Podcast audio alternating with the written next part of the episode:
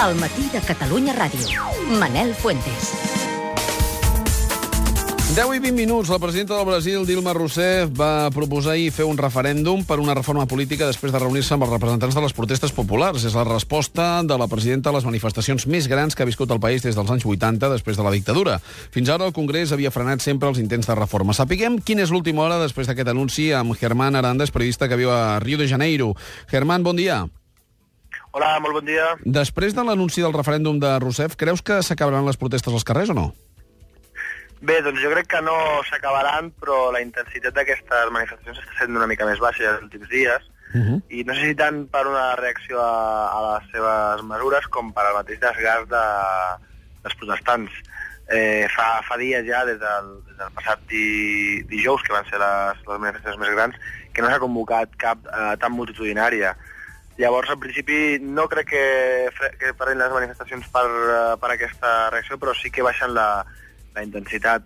El que ja ha rebut Dilma ha sigut la reacció de, de membres del Congrés, de membres del Poder Judicial, de fins i tot la- de l'Ordre d'Advocats de Brasil, que havien sigut un dels, dels precursors de, de demanar aquesta reforma política, i ja, s'han ja han expressat la seva oposició a aquests projectes de, de Dilma per, per fer una consulta popular i per fer aquesta reforma política, sobretot perquè, perquè qüestionen de, per, per part del Congrés i del Poder Judicial que, que portar consulta popular a aquesta, a aquesta Assemblea Constituent posaria una mica en tela de judici al, als seus, als seus poders, no? com a poder legis- legislatiu i, i judicial, perdó. En qualsevol cas, quin, quin abast tu creus que tindria aquesta reforma política veient quins són els topalls?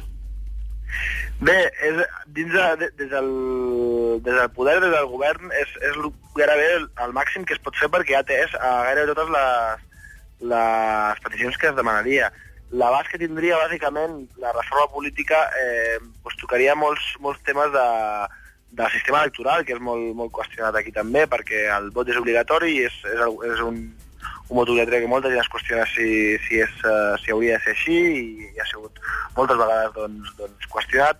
El, el tema de, del vot eh, territorial, és a dir, les circuns, circunscripcions, aquí hi ha una circunscripció única per les eleccions presidencials i, i parlamentars, i llavors eh, se, se modificaria aquesta, aquesta circunscripció única per fer diversos diverses circunscripcions que, amb les quals es, es, es dividiria el sistema electoral, no? Uh -huh. uh, temes de, de corrupció, de, de mandats, de, de la capacitat que té, per exemple, un senador de tenir un, un suplent com a càrrec també quan, quan accepta el seu, el seu càrrec dins del Senat. És a dir, diverses reformes estructurals que, que són peticions de fa anys històriques al, al Brasil per, per dificultar una mica la corrupció i fer, fer una democràcia una mica més transparent. Imagino que la desigualtat encara es veu més gran quan es veuen les inversions fetes pel Mundial de Futbol del 2014, pels Jocs Olímpics del 2016 i que ja es visualitzen en aquesta Copa Confederacions, no? Sí, de fet, eh, es diu molt no, que, que pot, pot haver sigut un dels grans detonants de- d'aquestes manifestacions.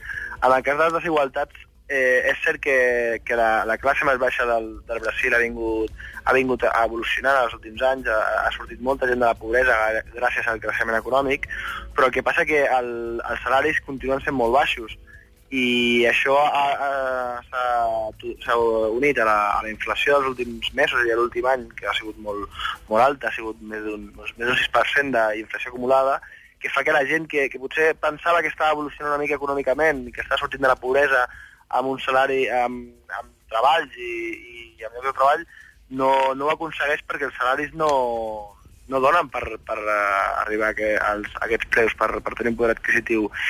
I, clar, doncs, eh, el que molta gent diu és que aquestes inversions que es fan en, en, al Mundial, a les confederacions, en els Jocs Olímpics de 2016, no, no són inversions que arriben a tothom, sinó als pocs que podran anar als estadis i que els, eh, als hospitals i, i les escoles són més importants que, que aquestes infraestructures i que realment són molt deficitaris en aquest país. Uh -huh. Germán Aranda, moltíssimes gràcies per, per aquest apunt. Nosaltres seguirem al, al Brasil per parlar de la Copa Confederacions i del que ha passat a l'hotel de la selecció espanyola. Una selecció pues, eh, que imagino que també forma part dels recurs públics del govern, etc etc. de manera que mirarem d'aclarir-ho ara mateix amb Pedrerol i, i Juan Moreno. Una abraçada forta, Germán, eh, des de Rio de Janeiro. A vosaltres, moltes gràcies. Una pausa